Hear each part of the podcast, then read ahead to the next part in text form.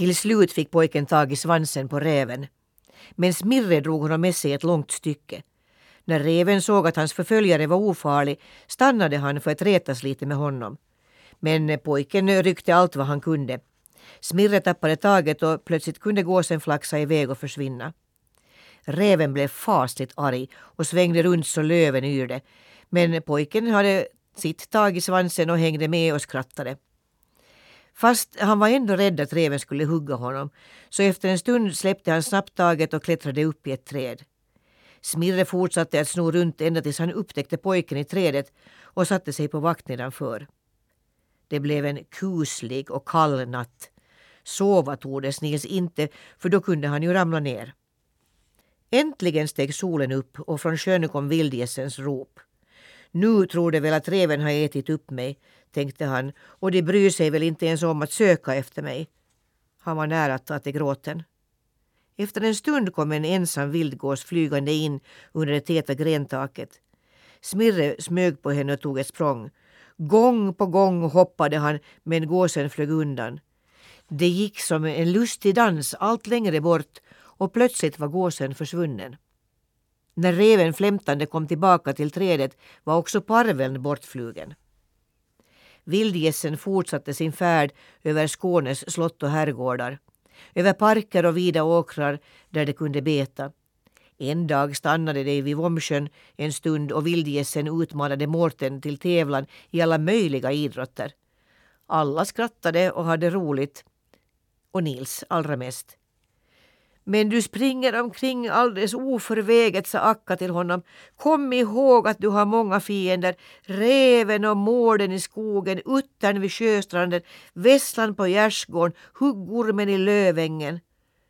Ute på fälten måste man nog tänka på hökar och falkar, på örnar och vråkar, skator och kråkor och ugglor skulle han heller inte tro för gott om. Pojken var inte så särdeles rädd för att dö, men han hade inte alls lust att bli uppäten. Vad kan jag göra för att skydda mig? frågade han. Så många som stod efter hans liv verkade det stört omöjligt. Håll dig väl med smådjursfolket i skogen, rådde Akka. Det kan varna dig för faror och hitta gömställen åt dig. Men när pojken bad ekorren Sirle om hjälp svarade denna tvärt nej. Ho, ho. Du är Nils gåsapåg som rev ner svalbon, krossade starägg och satte ekorrar i bur. Nu kan du hjälpa dig själv och var glad att vi inte jagade hem igen. Ja, tänk om vildgässen visste hur elak han hade varit förut. Och just nu när han försökte vara så snäll på alla vis för att inte Akka skulle överge honom. Men på kvällen fick han höra att Sirles fru hade blivit bortrövad och att hennes fyra nyfödda ungar höll på att svälta ihjäl. Nu skulle han hjälpa dem och visa vad han gick för.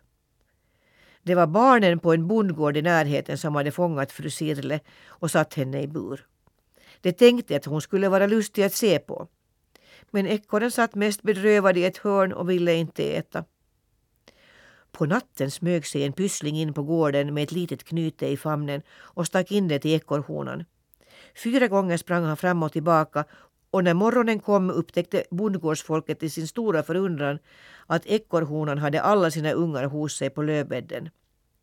Vi får nog skämmas både människor och djur, sa far i gården. Han plockade ut ekorrfamiljen ur buren och lade dem i äldsta flickans förkläde. Går du ut i nöthagen med dem och låt dem få sin frihet tillbaka. Och den dagen sjöng bofinkarna i alla snår om Nils gåsapågs hjältebragd. Ja, det var ett sådant kvitter att Akka alldeles säkert måste höra dem. En hel vecka hade redan gått sedan pojken blev förtrollad och alltjämt var han lika liten. Han undrade vad han skulle ta sig till när vildgässen drog vidare norrut. Bäst som han satt där och grunnade kom Akka och de andra mot honom och det gick så ovanligt högtidligt att han med ens förstod att nu skulle han få veta vad de hade bestämt. Du undrar väl, sa Akka, varför jag inte tackat dig för att du räddade en av oss från Smirre Rev. Men handling är bättre än ord. Jag har skickat bud till tomten som förtrollade dig och berättat hur väl du uppför dig bland oss och hur rådigt du hjälpte Sirles fru. Nu hälsar han att så snart du kommer hem ska du få bli människa igen. Först blev pojken glad, Men sen sjönk modet på honom och han vände sig tyst bort och grät. Vad i all världen väntar du dig mer av mig? frågade Akka. Nils stod och tänkte på äventyr och frihet och skoj och färder under himlen och han riktigt tjöt av bedrövelse. Jag bryr mig inte om att bli människa, sa han. Jag vill följa med till Lappland. Men den där tomten är så lättretlig, svarade Akka. Säger du nej nu så får jag svårt att beveka honom senare. Det besynnerliga med Nils Holgersson var att han aldrig riktigt hade tyckt om någon. Inte far och mor, inte läraren i skolan, inte sina kamrater. Därför fanns det ingen han saknade eller längtade efter. Jag vill följa med er till Lappland. Det är därför jag varit snäll en hel vecka, snyftade han. Jag nekar dig inte, sa Akka. Men det kan komma en dag då du bittert får ångra dig. Nej, sa pojken. Jag har aldrig haft det så bra som hos er. Det är inget att ångra. Nå, du får som du vill. Nils kände sig så lycklig att han måste gråta av glädje, liksom han nyss grät av sorg.